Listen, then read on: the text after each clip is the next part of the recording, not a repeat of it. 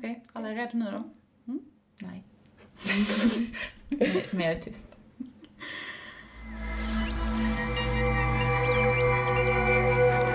Fantastisk podd, en podcast producerad av fantasy, science fiction och skräckförfattare. På svenska, i Sverige och Finland. Vi snackar skriva, böcker, våndor och vändor i våra och andras världar.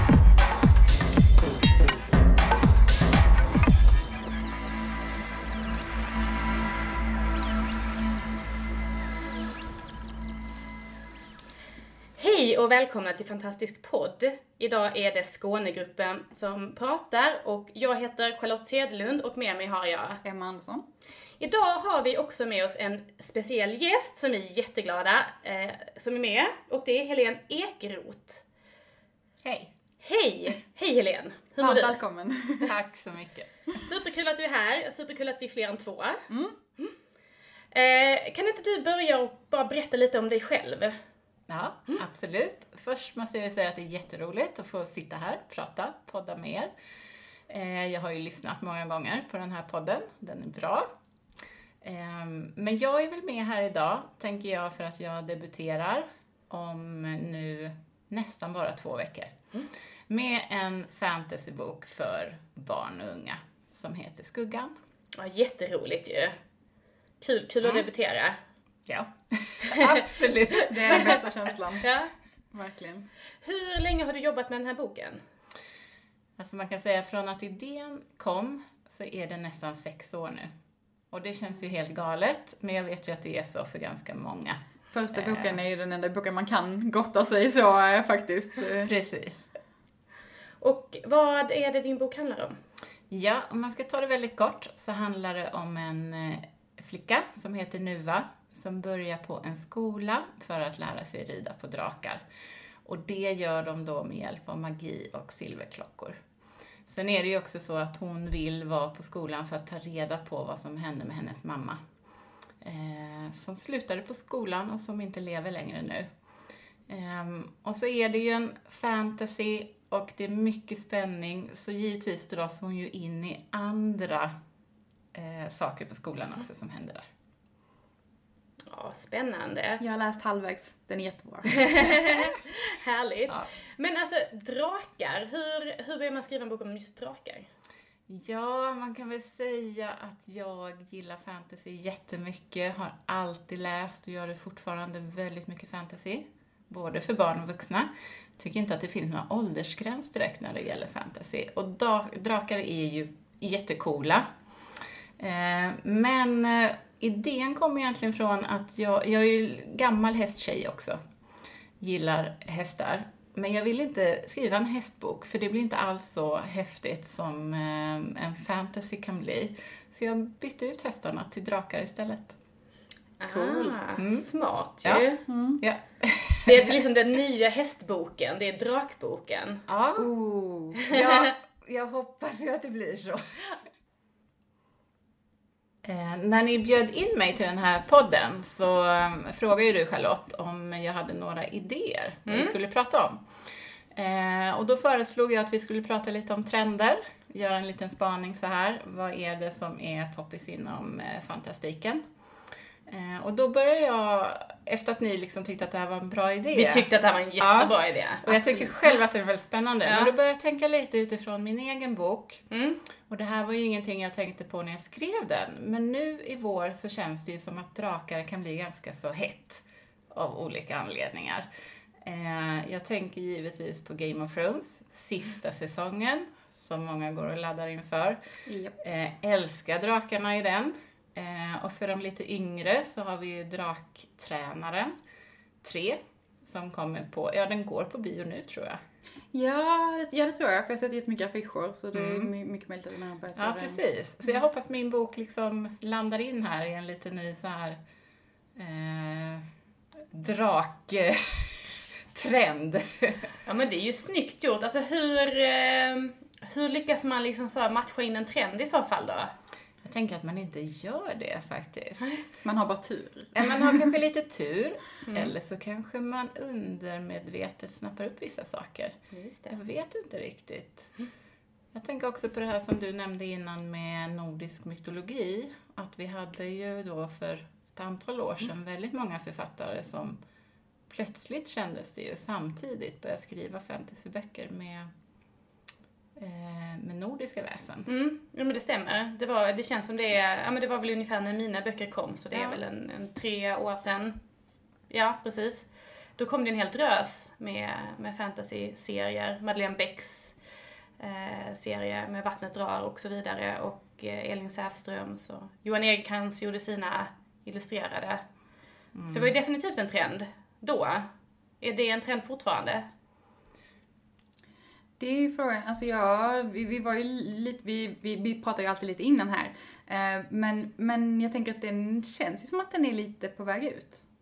Eller Jag säger nu inte det, för nu skriver jag ju en lättläst Ja, jag, nordisk jag mytologi. säger inte att jag inte är intresserad av det. Jag läser fortfarande, jag skulle jättegärna läsa mer. Jag är Men- otrendig. men, eh, nej, nej det tänker jag inte.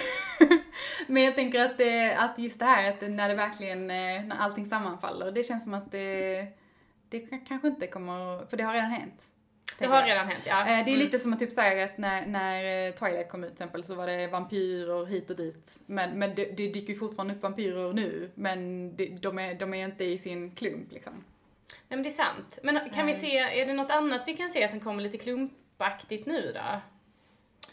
Ja, kanske. Fast det är kanske samma sak med dystopier som med nordiska väsen. Fast jag tycker fortfarande att den trenden håller i sig faktiskt. För jag tänker att den ändrar form lite. Ja, Ja. men exakt, jag tänkte på det också för jag menar, det, dystopier har ju funnits länge och det, har, det var ju lite en boom då när eh, Hunger Games och, och Divergent, Divergent, kom till ja. exempel. Men det är ju, det har, ja precis, det har ju kanske blivit en annan det var lite mer diffust det där, vad, vad har hänt egentligen? Det var bara ett nytt samhälle som hade uppstått liksom. Men nu är det ju mycket kanske det här fokus på miljö till exempel. Ja men det kan jag tycka. Eller jag tänker att man kan se vissa trendströmningar. Det har inte blivit superstort än. Eh, men där finns ju Mats Söderlunds böcker eh, om ättlingarna som ju har väldigt tydligt, alltså det är väldigt mycket klimatfokus. Eh, och frågan om man då tänker på vad som händer runt om i världen och, och liksom det, det demonstreras och det är oro och det pratas om eh, eh, temperaturhöjningar och procentvärden på utsläpp och sånt där. Alltså, jag tänker att det borde, borde komma hur mycket böcker som helst. Det tror jag också. Mm. Jag tror att det kan bli en explosion faktiskt av böcker i den andan. Mm. För det är ju ett av de största hoten vi har just nu. Samtidigt så kan man ju fundera över varför blev det inte en explosion av dystopier om, om utanförskap när vi hade, eller egentligen om flyktingströmmar, när vi hade vårt stora flyktingmottagande för ett par år sedan. Nu handlade i och för sig dystopier ofta om utanförskap ändå, men inte så specifikt som de hade kunnat göra i samband med, med de händelserna. Det, det, jag tyckte det var så många som pratade om att de ville skriva sådana böcker, men det kom aldrig någonting. Det har kanske inte kommit så mycket inom fantastiken, men jag tänker att det är ju ganska många, alltså nu, nu är jag inte helt hundra här, men, men det känns som att det har ändå kommit en del barnböcker, alltså mer realistiska, att det har kommit mer sådana eh, som, som angriper eh, just utanförskapsproblemen. det är sant. Eh, och sen tänker jag egentligen att, att eh, fantastiken överhuvudtaget har väl alltid lite diskuterat de frågorna, för, det, för att det ofta kanske det kanske inte rör sig om motsättningar människor emellan, men kanske mellan olika typer av raser till exempel. Alltså säga att, att, att det finns kanske magiska väsen och människor som har motsättningar mot varandra, eller som bara Harry Potter till exempel. Just det här, där är ju väldigt mycket anspelningar på nazismen till exempel, alltså Voldemort och, och liksom vem är halvblod och vem är fullblod. Alltså det är väldigt, eh, så de, de strömningarna har ju funnits länge liksom. Men sen så just, just det senaste har vi kanske inte hunnit bearbeta än. Det kanske kommer. Ja, Alltså att det kommer kanske... Ja, jag tänker att för det man pratar om också med klimatet, om vi får stora klimatförändringar, det är ju också kanske ännu större flyktingströmmar. Ja, klimatflyktingar. Eh, ja, precis. Så att det här kanske är en spaning i framtiden, att det är någonting som, att de två sakerna också kommer hänga ihop. Börja skriv hörni. En trend Ja, som det- kommer. Jag hade ett sidospår, men, men när jag gick i, i eh, högstadiet faktiskt så hade vi en eh, historieprofessor som kom till oss och eh, vet du, skulle hålla i någon sån här liten projekt, liksom. vi skulle vara med i någon slags forskning han gjorde, jag vet inte exakt vad det gick ut på. Men han gav oss en, han hade förutsett hur världen skulle se ut om 25 år baserat på verktyg, alltså genom att granska historien liksom så här, och, och och det är jätteobehagligt. Vi skulle skriva noveller då så, kring det här, så här, men jag har fortfarande kvar det pappret och det är jätteobehagligt för det är så himla mycket av det som har hänt. Det är sant. Eh, och det, då har det ändå bara gått typ 10, alltså knappt, ja, 15 år är det ju nu ungefär. Så det är, det är några, 10 år kvar innan vi, vi är där. Men det är väldigt mycket som har hänt. Alltså mm. framför, framförallt eh, mycket så här med, ja, med flyktingströmmar, det är miljöförstöringen. Typ han förutsåg att eh, Storbritannien skulle gå ur EU.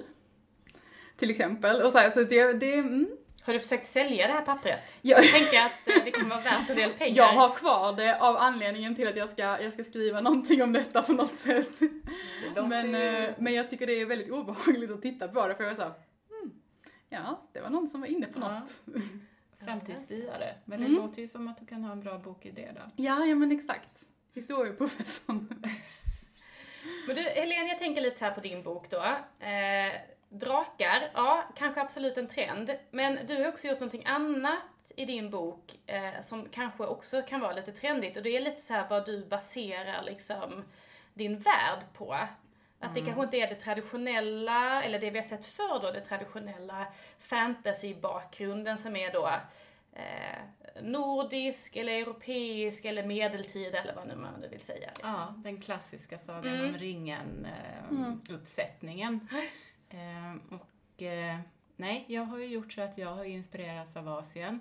Egentligen främst kan man säga ett medeltida Kina, utan att på något sätt eh, tänka att det här ska vara som ett riktigt historiskt Kina. Men jag tycker det är spännande med den typen av eh, mytologi och de här sagorna och annat som finns där. Um, och jag tycker man ser det också om man läser, särskilt kanske om man läser um, fantasy som inte är översatt till svenska. För det är ändå så att det är väldigt mycket som inte översätts. Ja. Som många läser på engelska. Mm. Eh, men då ser man trenden ändå att den, den är redan här tycker jag. Du ser fantasy eh, som baseras på afrikansk mytologi eller arabisk eller asiatisk. Eh, och det är jättespännande. Ja, det tycker jag också, verkligen. Men jag tror det finns en hunger efter någonting nytt liksom. För vi har, vi har haft ju, det är som du säger, det är, det är Sagan om ringen ju mycket som är, när folk tänker fantasy så tänker de ju Sagan om ringen främst. Och det är ju liksom baserat på, vad är det, gammal engelsk och eh, nordisk eh, mytologi mycket. Så det är ju där vi, vår västerländska tradition finns liksom. Det är ju det är ofta där vi hamnar. Eh, och jag tror att man, man, man hungrar efter någonting nytt där man inte känner till kanske mytologin bakom på samma sätt eller jag tror att eh, vi Men vill hur, ha någonting annat. Hur kom det sig att det blev just kinesisk? Alltså vad, vad eh, hur hamnade du där? Det är nog för att jag tycker det är spännande själv helt enkelt. Um, ända sen jag liksom som, jag vet inte hur gammal jag var när Shogun visades på TV. Det var ju i och för sig då eh, Japan, men eh, jag har alltid tyckt att det är spännande liksom med med den här gamla asiatiska historien, helt enkelt. Har du behövt göra mycket, alltså även om din värld nu är, den är ju helt fiktiv ja. och den är inspirerad, men har du ändå gjort väldigt mycket research eller för att få, en, få till känslan? Ja, inte väldigt mycket ska jag erkänna direkt då, men absolut lite research. För det är ju ändå så här att, ja men vilka rätter bör de ändå äta liksom för att man ska få rätt känsla. Jag har läst en del eh, gamla sägner och legender från Kina. Eh, tittat mycket, så här, googlat bilder, hur såg husen ut, alltså byggnader eh, och så vidare. Landskap, de här typiska kinesiska bergen till exempel, som många kinesiska då, konstnärer målar och så absolut. Eh, jag har försökt läsa också en hel del fantasy, det som går att få tag på. Eh, som har Asien som, eh, mm. som så inspirationskälla. Jag tycker du har varit jätteduktig på att bygga världen. Alltså, mm. jag tycker man, man ser verkligen allting framför sig och det är som du säger, alltså det, det, är kul att höra just när du pratar om vad du har, alltså, att du har gjort research för det, man ser det verkligen framför sig. Man kan se de här husen och jag tycker bara en sån sak som när du beskriver lyktorna till exempel som hänger, alltså vajar, alltså det, ja, du har beskrivit väldigt målande, man kan verkligen se det framför sig. Ja, och jag tänker att kanske man funkar olika, men jag har lättare för att skriva kanske miljöbeskrivningar och den typen av saker just om jag har sett bilder Mm. själv istället för att liksom hitta på det helt själv i huvudet. Mm. Ja, men jag är nog ganska likadan faktiskt. Jag har inte så mycket referenser men jag, jag, jag ser ju bara Mulan framför mig när jag... Men det är min enda så här referens. Men det är i sig var positivt för jag älskade den filmen så. Men det, jag, jag har väldigt mycket det i huvudet. Då vet vi det. Drakarna är nog större. Det ser de som större. Ja, det vet jag någon eh, reagerade på faktiskt i början när jag började prata om min idé. Det här just att ha drakar som de rider på som är, de är inte jättemycket större än hästar, även om de är större. Som tyckte, men det blir inte jättemesigt att ha så små drakar. Fast, eh, nej det var det jag ville ha ändå liksom. Men är alla lika stora eller finns det större och mindre? Och... Ja, det, det finns faktiskt olika drakarter. Man kan säga att de här drakarna de tämjer, har på skolan, de är inte jättestora. Eh, och det var väl lite för att jag ville få in den här hästkänslan i hanteringen av drakarna. Men sen finns det ju då uråldriga drakar, som är något helt annat. Mhm, alltså jag gillar det jag hör. Verkligen. Men hörni, vad tycker ni? Alltså det här med trender, har det alltid att göra med, med ämnet som man skriver i? Eller finns det liksom andra trender man kan se eh, i de böckerna som kommer ut nu? Men som tänker till exempel huvudroller, om det är klassiskt eh, manligt kvinnligt eller sådär till exempel. Mm. Är det några, har ni sett några tendenser liksom när man tittar på kanske så huvudkaraktärer eller bikaraktärer eller sånt där? Huvudkaraktär, fast det i och för sig, det har varit länge, men huvudkaraktärerna tycker jag är ofta kvinn, alltså tjejer. Är det ju ofta idag, tycker jag. Fast det har det varit länge i och för sig. Vi har alla skrivit om tjejerna. Mm. Ja. Nej men jag tänker typ att det är vi, jag tror att hade, hade alla våra böcker kommit 20 år sedan, så tror jag vi hade haft en kille i huvudrollen. Kanske inte vi som skriver som tjejer, men jag tror att, för det var ju lite så som till exempel J.K. Rowling tänkte när hon skrev Harry Potter, att hon var tvungen att ha en kille för annars kommer jag inte nå ut. Eh, men men eh, jag tror att det har ändrats jättemycket, för jag, jag, jag tror att det idag, kanske också för att det är vi, vi är tjejer själva, men jag tror att det har ändrats väldigt mycket. För jag tror att nu skulle jag nog våga säga att majoriteten är tjejer i det som skrivs, alltså i alla fall i Sverige. Det känns som det, men det är bara man, det man ser av det man läser själv. Den är lite svår. Mm. Jag hoppas ju, för det här är någonting jag har funderat på, liksom vilka läsarna kommer bli. Om det är så att det kommer bli merparten tjejer, bara för jag har en tjej som huvudkaraktär. Men jag hoppas så verkligen att det är killar som kommer läsa boken också. Jag tror att båda Att kommer läsa, ändrats, jag ja. tror absolut att båda kommer läsa, men sen är det ju överhuvudtaget övervägande tjejer som läser i den åldern. Mm. Alltså det, finns det ju statistik på, Ja, alltså, att eh, de är, ju överrepresenterade och det är ju rent generellt alltså Mm. eh, att, eh, att tjejer läser mer Mm. och att de också ger mer en chans tror jag för att de har en helt annan läs... Ja. När man, var, när man var själv i den åldern så läste man ju en bok om dagen eller sånt så Mm. att det, då, man, hade, man hann ju plöja liksom.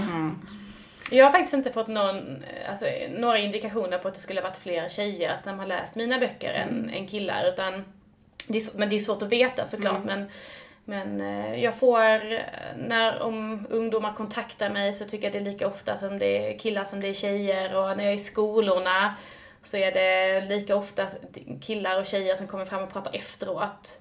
Eh, Det brukar ju vara de som är, de som är riktigt intresserade, de kommer ju efteråt. De vill inte ställa frågor för hela klassen, de kommer alltid prata efteråt. Där.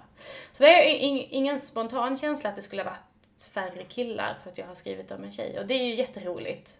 Ja, för det är så man tycker det ska vara. Det är det verkligen. Mm. Och jag har ju så medvetet valt också att bara låta flickor rida drakar. Det vill säga drakarna accepterar inte pojkar som ryttare. Ehm, och därför blir det ju också mycket flickor i boken. Ehm, men någonting annat som jag också tänkt på med det här med karaktärer, det är väl att eh, det känns som att vi ser fler karaktärer som inte är antingen goda eller onda. Mm. Ehm, alltså mer komplexa karaktärer, det har jag tänkt på ganska mycket när jag skrev boken, att jag vill ha mer liksom mänskliga Mm. karaktärer oavsett eh, om de nu ska vara på den onda eller goda sidan. För det blir så mycket mer spännande. Det håller jag verkligen med om. Eh, Det tycker jag också varit, alltså det kanske har kommit innan eller så här efter, men, men jag tyckte det, det blev väldigt tydligt när Game of Thrones blev stort. Nu har det ju som sagt böckerna funnits länge, men det blev ju en, det exploderade ju när tv-serien kom. Då blev ju alla mer Fick alla mer koll helt plötsligt. Eh, men, men eh, det, det, det, det tyckte jag verkligen var skillnaden, för det är ju verkligen, skulle man väl säga, den, de senaste årens stora fantasy-succé liksom. Och om man jämför den till exempel med, med Sagan om ringen så känns det som att där är det mer goda sidan, onda sidan. Medan i Game of Thrones är det ju verkligen, man är ju aldrig, det är ju nästan ingen som är genuint på en eller den ena eller den andra sidan utan det skiftar ju hela tiden. Man vet ju aldrig vart de är på väg eller, eller vad, de, vad de vill liksom. Men det var faktiskt roligt för jag googlade nu inför det här pratet så googlade jag då fantasy trends. Tänkte så undrar vad man får upp nu? Och då fick jag upp en sån här trendspanarsida som sa då just att när Game of Thrones kom, och eftersom Game of Thrones är liksom skriven nästan tvärtom om man tittar på de gamla hjältesagorna, att här är liksom inte den Prinsen är ingen hjälte utan han är ganska bad guy och liksom drottningen ligger med sin bror. Och, alltså, det är, allting är ju så omvänt. Och när då Game of Thrones kom och var skriven på det sättet och slog så stort så har det då rasslat in manus till förlagen som ser ut på det här sättet. Och den här trendspaningen då hade pratat med det amerikanska förlag. Eh, och då hade tydligen förlagen börjat uttrycka att nej, nu vill vi ha den klassiska hjältesagan igen där det ser ut som det, som det gjorde förr. Så bara jaha, okej. Ja men det var typiskt USA att de bara, nej men det, de vill kunna ha det här att liksom att, oh men om, när vi är i en situation när det här händer, då ska du göra rätt sak, då ska du göra det här, så du lär dig, så du vet det sen. Det känns väl typiskt dem. Men jag tänker någonting som Game of Thrones har gjort också, det är väl det här med att ha, verkligen ha en opolitlig författare faktiskt, eller berättare. Ja, gud som, ja. som tar död på karaktärer som man förr aldrig skulle kunna tänka sig skulle dö i en historia. För det var så uppenbart att de måste Ja, eh, finnas med ända till det lyckliga slutet. Eh, och jag kan ju gilla det väldigt mycket och även om man skriver för barn så tycker jag att den går att använda. Ehm, eller jag har i varje fall gjort det i mitt skrivande. Ja, men det, är- det, tycker jag är en extra krydda på något sätt, för det är ju annars eh, det som har varit eh, ens trygghet. Eller lite så här på något sätt att när man, men huvudpersonerna kan ju i alla fall inte dö. De, de ska vara säkra Mm. liksom, de ska stå där till slut och bara liksom, vi vann typ. Eh, men det, just den här, det, man vill ju ändå, man vill ju oroa sig. Ja. Och det gör man ju inte, alltså det gör man ju inte om man är 100% säker på att de kommer att Nej. överleva liksom. Även om de sen kanske gör det, så man vill, man, man vill ändå känna känslan att, men tänk om. Och jag tror att det där att, för det vet jag att jag sa till dig Charlotte när jag Mm. läste sista boken i din trilogi. Jag tänker inte säga vad det är nu för jag vill inte spoila. Men det var en sak som jag reagerade på i slutet och tyckte var lite jobbig. Men det är väl också ibland det som gör en bok bättre. Ja. Ehm, att det väcker känslor, att Ja. allting inte bara blir eh, så levde de alla lyckliga alla sina dagar. Nej, och det var ju så jag, när, jag, när jag skrev, för jag vet ju vad du pratar om, när jag vet att när jag skrev det så var det verkligen så att jag, nej jag vill inte göra detta. Jag försökte hitta massa vägar runt det. Men det var så himla tydligt för mig sen att det, det är bara åt det här hållet den här berättelsen kan gå, för att annars blir det sämre. Så ja, jag satt och tog kött när jag skrev den scenen. Men det blev bättre. Eh, och då tycker jag att det, det är så bra litteratur är. Och jag håller verkligen med dig Emma, att jag vill känna när jag läser och jag vill, jag vill vara tok orolig. Och bara åh nej, åh nej, åh nej, åh nej, hur ska det gå? Och som sagt, det gör man inte när man läser en bok där det känns som en självklarhet att de här tre kommer klara sig. Mm. Nej men man vill ju vara sådär att jag kan inte gå och lägga mig för jag måste veta om de överlever liksom, eller om de klarar sig liksom. Det, det är ju så, det är ju det, det är så en riktigt, riktigt bra bok är tycker jag. Ja, verkligen. Men eh, ja, då har vi pratat om trender. Det har vi. Och eh, då tror jag typ att vi har eh, gjort vårt för idag. Så vi är jätteglada att du kom hit. Ja, tack så så jättemycket hemskt Helena mycket. Ekroth. Mm. Tack så mycket själv. Och datumet vill vi ha innan du eh, lämnar oss. för boksläppet. Ja, så att alla kan springa till Ja. affären 26 mars 26 ska mars. boken finnas att köpa. Det ser vi fram emot. Det gör vi verkligen. Du har lyssnat på Fantastisk podd.